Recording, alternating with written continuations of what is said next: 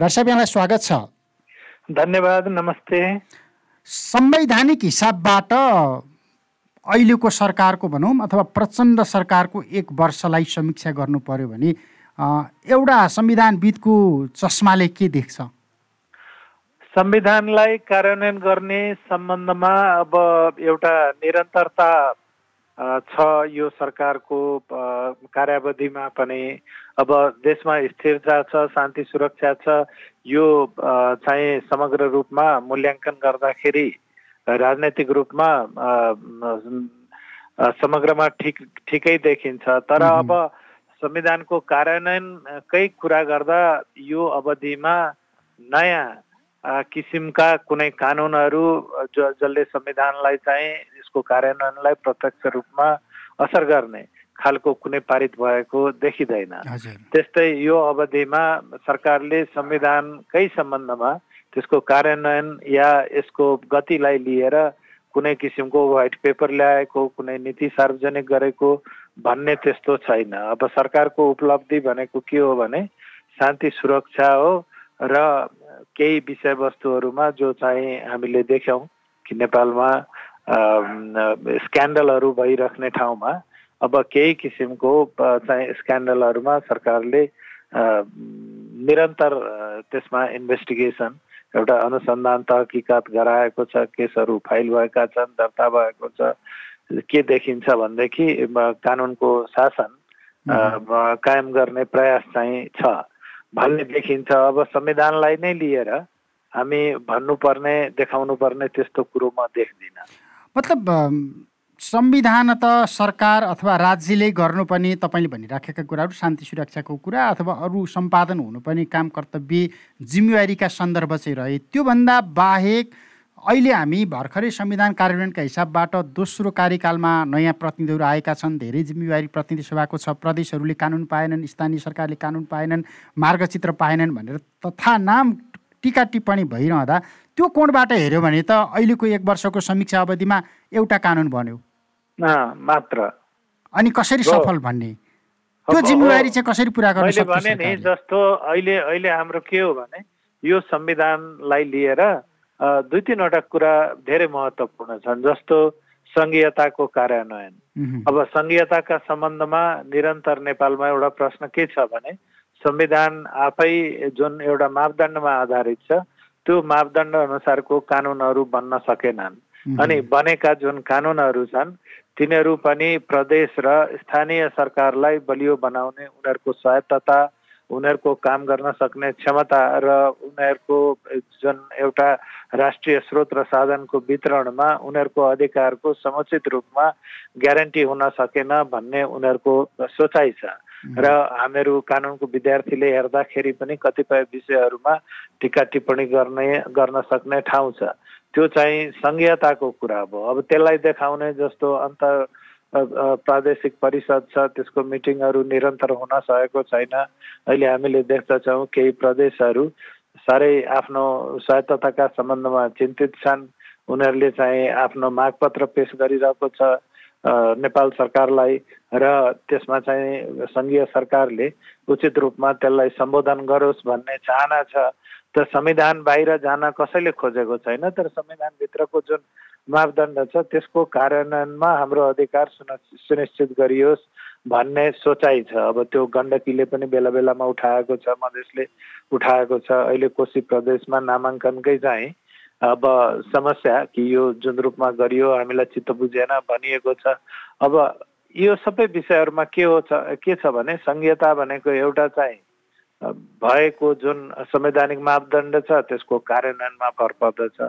दोस्रो जे कुरा संविधानमा आउन सकेको छैन या आउनु पर्ने छ हो त्यसका बारेमा राष्ट्रले दिने आश्वासनसँग सम्बन्धित छ। त यो दुइटै कुरामा टिका टिप्पणी गर्ने ठाउँहरू हामीले देख्दछौँ। अर्को कुरो यो संविधानको समावेशीकरणको त समावेशीकरणको एजेन्डा सङ्घीयताभन्दा पनि धेरै महत्त्वपूर्ण छ।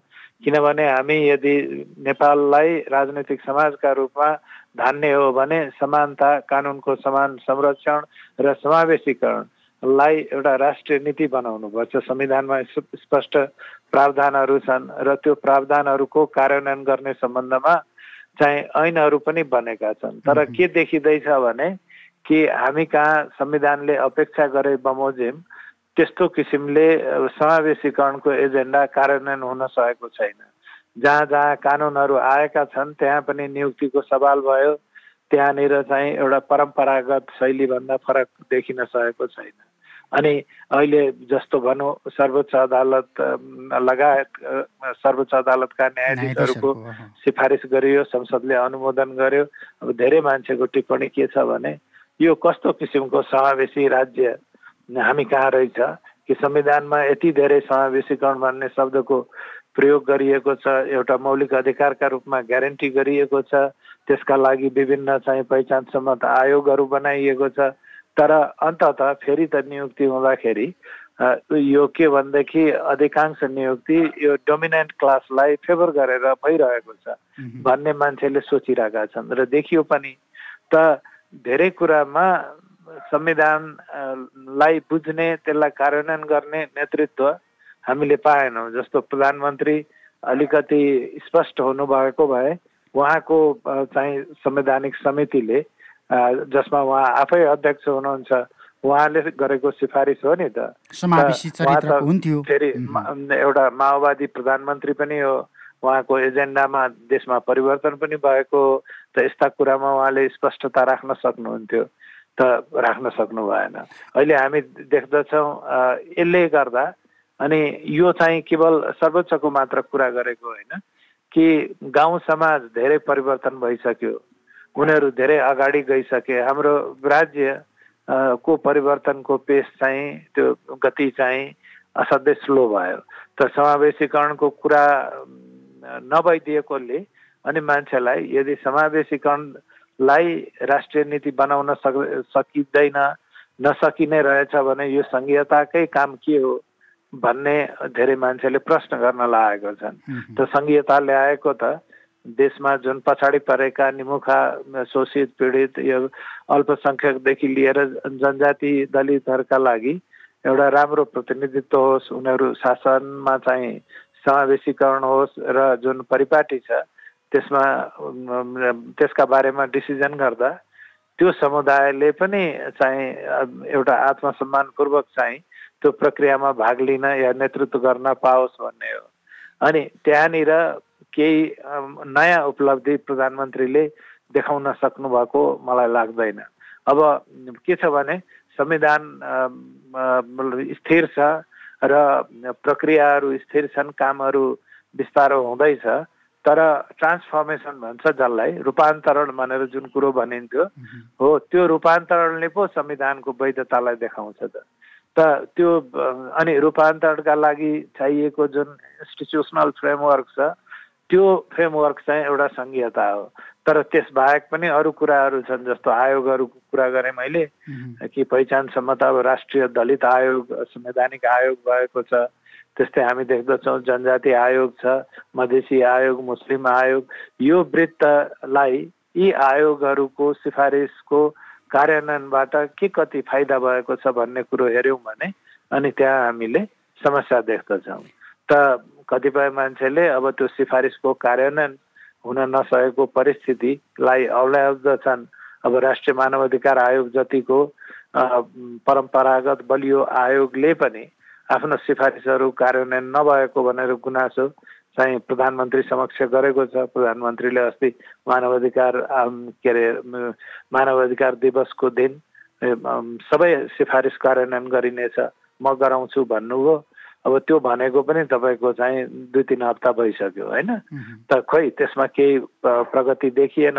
अनि यस्ता कुराले गर्दा कि अब कानुनै बनाए पनि के भयो त? यदि कानुन संविधानको स्पिरिट अनुसार बन्दैन या बनेको कानुनको चाहिँ त्यही बमोजिम कार्यान्वयन हुँदैन अनि कार्यान्वयन गर्ने सिलसिलामा जुन चाहिँ एउटा संरचनाहरू स्थापना गरिएको छ उनीहरूले सोझो गरी काम गर्न सक्दैनन् भने त अनि मान्छेलाई आफ्नो अपेक्षाहरू पुरा नभएको अनुभूति हुनु स्वाभाविक हो। त अहिलेको परिस्थिति त्यस हुनाले अब प्रधानमन्त्रीको संविधान कार्यान्वयनमा कुनै चाहिँ उहाँले चाहिँ बोनस दिन सकेको मैले देख्दिनँ। अब यो समावेशीकरणको कुरा अथवा त्यो फ्रेमभित्र स्वयं राजनीतिक पार्टीहरू कति हटाएका छन् उनीहरूले कति अङ्गीकार गरेका छन् मन्त्रीमण्डल कतिको समावेशी चरित्रको भएको छ अथवा समग्र लाभको पदहरूमा कसरी व्यवस्थापन गरिएको छ भन्दा सुरुमै माथिबाटै हेर्दा दलहरू नै त्यसमा हिँडिराखेका छैनन् भने उनीहरूले दिने रिजल्टको हामीले त्यो खालको अपेक्षा त गर्नै सक्छौँ हो राजनैतिक दलहरू तपाईँले भनेको सही हो। राजनैतिक दलहरू नेपालमा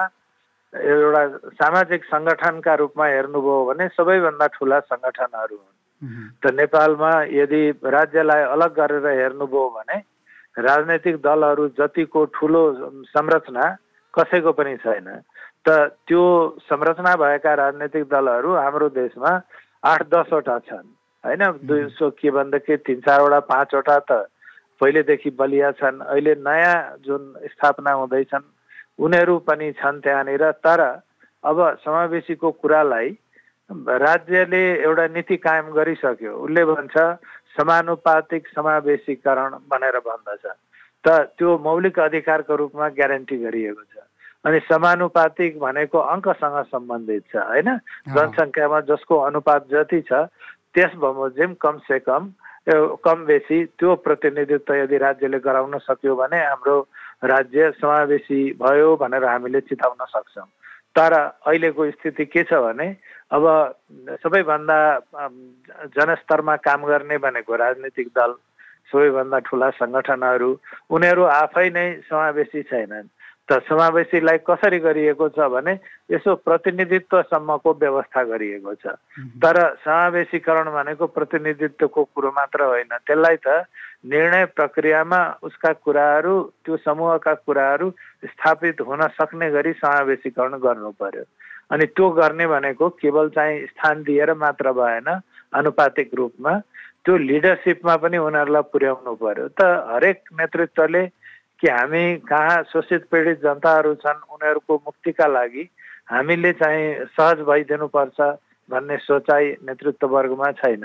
अनि सबै मान्छे जस्तो राष्ट्रपतिको चुनाव भयो मैले त प्रष्ट रूपमा भनेको थिएँ कि राष्ट्रपतिमा हामीले समावेशी क्यान्डिडेटलाई लैजानुपर्छ यो छेत्री बाहुन ठकुरीहरूले त त्यो पदमा चाहिँ प्रतिनिधित्व ऐतिहासिक कालदेखि पाएका छन्।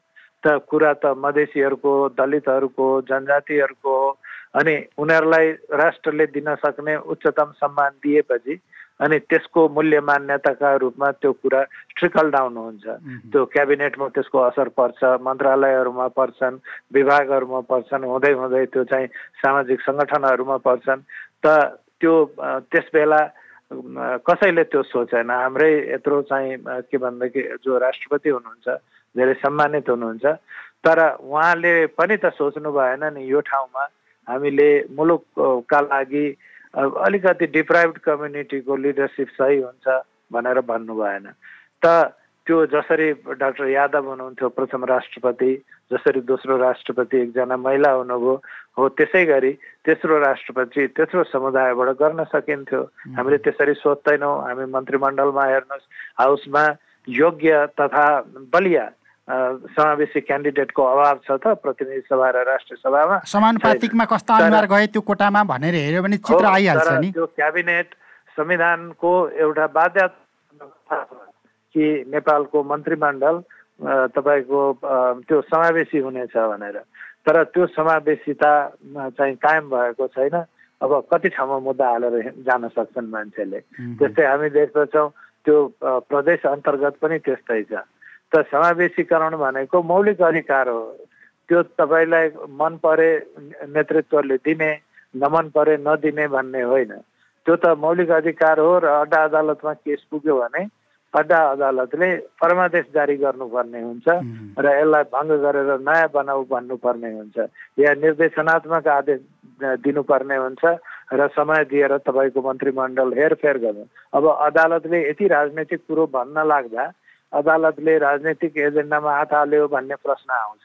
तर त्यो राजनैतिक एजेन्डा त संविधानको र संवैधानिक शासन पद्धतिको ग्यारेन्टी हो।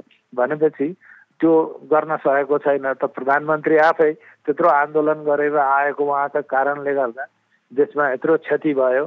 तर राजनैतिक परिवर्तनका लागि भनेर मान्छेले चित्त बुझाए पनि उहाँले आफै कार्य कार्यक्रम लागू गर्न सक्ने अवस्थामा संविधानको त्यो प्रावधान खोइ लागू गर्न सक्नुभयो।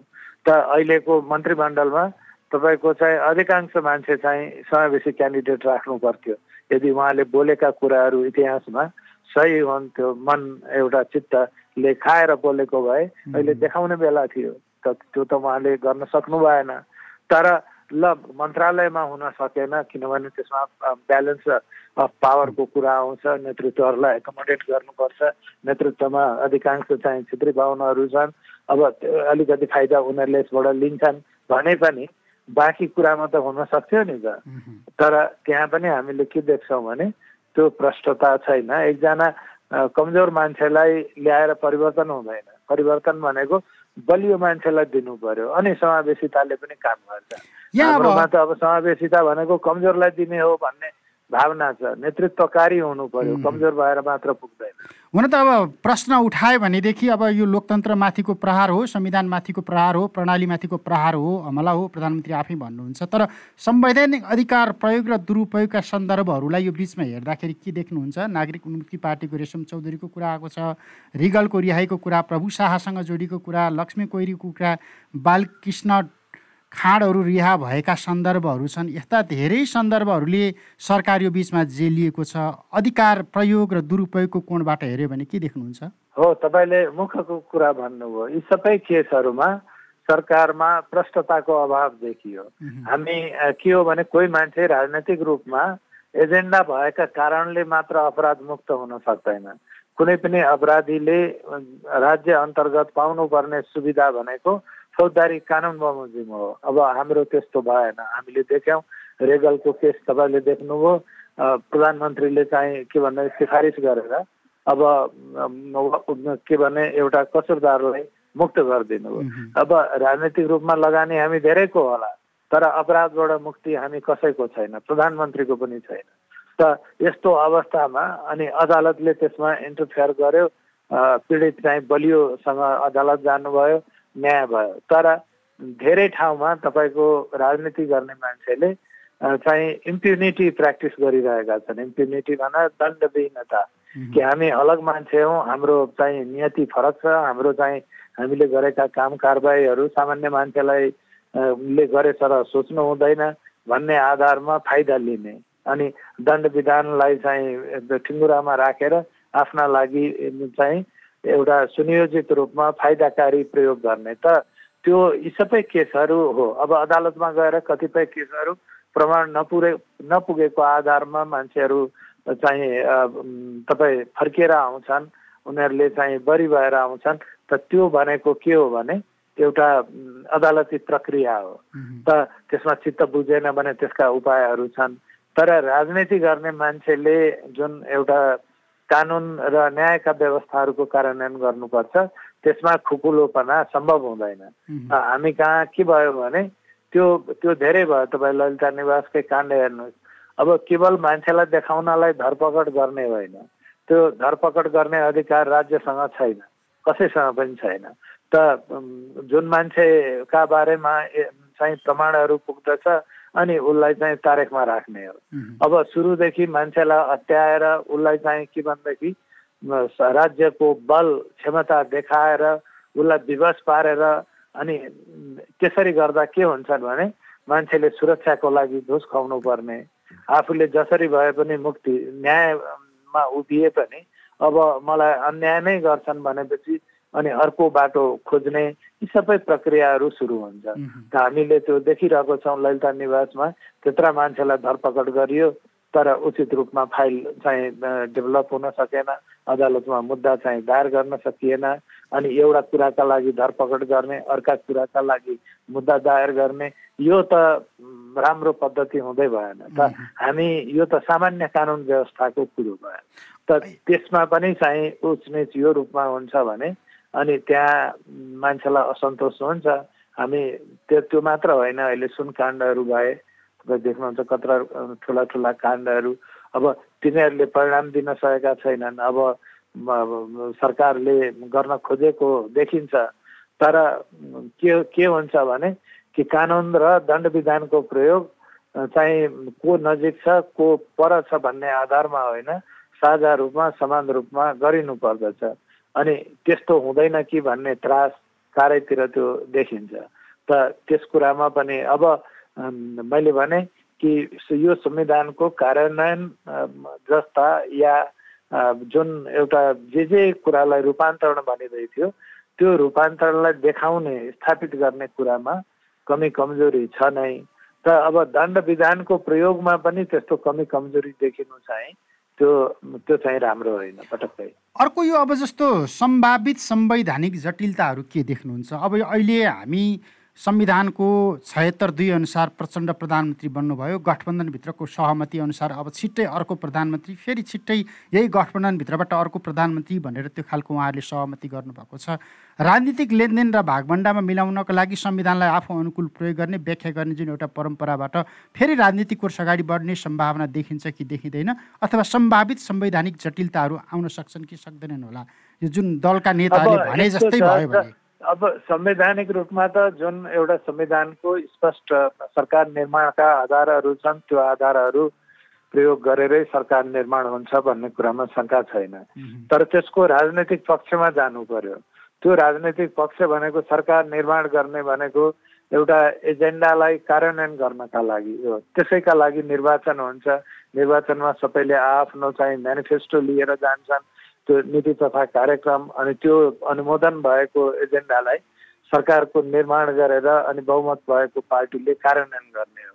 हामी कहाँ त्यस्तो साझा एजेन्डा भनेर जेसुकै भने पनि कार्यान्वयनमा कुनै कुरो पनि यो साझा एजेन्डाका रूपमा कार्यान्वयन भएको छैन। तपाईँ के देख्दै हुनुहुन्छ भने कि अहिलेको सरकार भविष्यमा बन्ने सरकार यी सबै कमजोर सरकारहरू हुनेछन्। किनभने सरकार निर्माणका लागि म्यान्डेट एउटासँग छ। नेतृत्व अर्कोले गरेको छ। अब त्यो त्यो भन्नुको अर्थ के हो भने कि सरकारमा बस्नेले जहिले पनि राजनैतिक पावरका आधारमा शासन गर्न होइन कि उसले यो ऱ्याङठ्याङ कसरी मिलाएको छ कसरी फुत्किने कसरी भू राजनैतिक दौपेच खेल्ने भन्ने आधारमा अनि सरकारमा टिक्ने त्यो त्यो अवस्थाको सिर्जना हुन्छ। अहिले सरकार जस्तो भनौँ नेपाली कङ्ग्रेस सबैभन्दा ठुलो पार्टी थियो। अपेक्षा के गरिन्छ भने हो त्यो पार्टी पनि हारेकै हो चुनावमा। तर अब ब जत्रो भए पनि बहुमत त उसैसँग थियो। त लार्जेस्ट पार्टीका रूपमा सरकारको नेतृत्व उसले लिनु पर्थ्यो अनि उसले लिँदाखेरि सम्भवतः एमाले पनि जोइन गर्थ्यो होला। अनि एउटा स्थिर सरकार हुन्छ पाँच वर्षसम्म चल्थ्यो। अनि त्यसले चाहिँ एउटा निकास दिन्थ्यो राजनीतिक रूपमा देशका लागि। तर यहाँ जित्छ एउटाले सरकार अर्कोले चलाउँछ। प्रतिपक्षमा तेस्रो शक्ति बस् बस्नुपर्ने बाध्यता हुन्छ अनि यो हिसाबले देशको रूपान्तरण हुन्छ त। रूपान्तरण गर्न राजनैतिक पुँजी चाहिन्छ। अनि यो के भन्छ भने खैराती कार्यक्रमले रूपान्तरण हुँदैन। मेजर तपाईँको बलियो कार्यक्रमहरू ल्याउनका लागि राजनैतिक पुँजी चाहिन्छ। त्यो पुँजी सरकारसँग छैन। भनेपछि अहिले नै हामी भन्यौँ बाह्र प्रतिशतको बहुमत भएको पार्टीले प्रधानमन्त्री दिएपछि अनि त्यो प्रधानमन्त्री कसरी देशको चिफ एक्जिक्युटिभको रूपमा सर्वसाधिक सर्वशक्तिमान हुन सक्दछ। तर त्यो पछि पनि हाम्रो त्यही नै हो। किनभने हामी हाम्रो यो निषेधको राजनीतिबाट परिचालन भयो। र के देखिन्छ भने कि यो ऊ बेलाको केपी ओलीको सरकारले चाहिँ केही मान्छेको नजरमा उद्दण्डतापूर्वक काम गर्यो। भन्ने कारणले गर्दा आज एमालेलाई क्षमता हुँदा हुँदै बाहिर राखेर अनि सरकार निर्माणको प्रक्रियाहरू सङ्घमा पनि चाहिँ सम्पन्न गरिएको छ प्रदेशमा पनि। अनि नेपालमा सबै सरकारहरू सबै टाकटोक सरकारहरू तपाईँको कमजोर सरकारहरू हुन् किनभने हिजो भएको एक वर्ष अगाडि भएको मतदानमा आधारित उनीहरूको वर्चस्व छैन।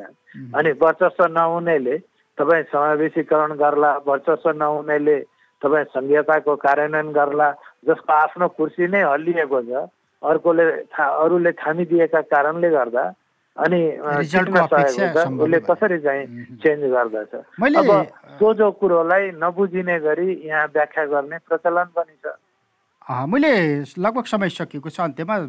मैले बुझ्न खोजिराखेको चाहिँ छयत्तर दुई अनुसारको प्रधानमन्त्रीको कार्यकाल समाप्त भयो भनेदेखि बन्ने भनेको छयत्तर तिन हो। छयत्तर तिनले सायद शेरबहादुर देउबा नेपाली अथवा के हुन्छ यसमा भन्ने के? त्यो होइन त्यस्तो हुँदै होइन। सरकार निर्माणको प्रक्रिया भनेको धारा छत्तरको प्रक्रिया हो। अब यो यो काइथे भाषामा यसलाई व्याख्या गर्नु हुँदैन। सरकार छिहत्तर एक अन्तर्गत अहिले बन्न सक्दैन किनभने मेजोरिटी पार्टी छैन। तर अब छिहत्तर दुई अन्तर्गत तिन अन्तर्गत पाँच अन्तर्गत कुन अन्तर्गत बन्ने भन्ने कुरो राष्ट्रपतिले टुङ्गो लाउने होइन। संविधानले यो धारापछि यो यो धारापछि यो भनेर भन्ने भनेको छैन। त्यो त राजनैतिक सहमति र सहकार्य कुन रूपमा अगाडि बढ्छ त्यसका आधारमा सरकार बन्ने हो। त सरकार यदि छिहत्तर दुई अन्तर्गत नै बन्न सक्दछ भने राष्ट्रपतिले चाहिँ विज्ञप्ति जारी गरेर अब चाहिँ छिहत्तर तिन अन्तर्गत सरकार बनाऊ भनेर भन्ने होइन। त्यो त राष्ट्रपतिले हिजो जसरी गरिएको थियो त्यो पनि गलत थियो। मैले त त्यो बेला पनि भनेको बाबै त्यो नेपालको संवैधानिक परम्परा त्यस्तो होइन।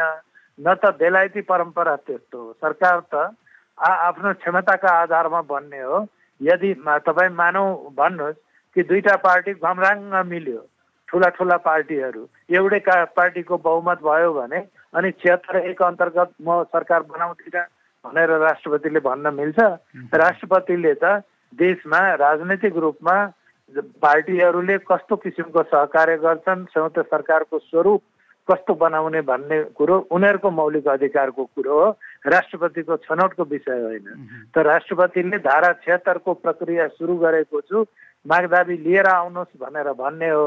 उहाँले चाहिँ यो दफा अन्तर्गत यो धारा अन्तर्गत यस्तो सरकार बनाउनु भनेर भनेपछि त उहाँ सरकार निर्माणको फेसिलिटेटर होइन सरकार निर्माणको डिक्टेटर बन्नुहुन्छ त संविधानको आशा त्यो होइन। अब मैले त बारम्बार कोशीको हकमा पनि भने कर्णालीको हकमा पनि भने अब यहाँ मान्छेहरूले बुझ्न चाहँदैनन् जे फाइदा हुन्छ त्यही त्यही गर्न चाहन्छन्। तर मिडियाले त कम्तीमा पनि जुन संवैधानिक सत्य हो त्यही नै भन्नुपर्छ। भनेपछि अहिलेको यो सरकारको सरकार पछाडि अर्को सरकार गठबन्धन मात्रै बन्दाखेरि जुनसुकै धारा आकर्षित हुनसक्छ तर छयत्तर अन्तर्गत बन्ने भयो। एक अनुसार बहुमत भएन तत्कालका लागि बाँकी धाराहरू सबै खुल्ला रहन्छन्। बहसको विषय भएन नि। हुन्छ डाक्टर साहब यहाँको समय र संवादलाई धन्यवाद। धन्यवाद।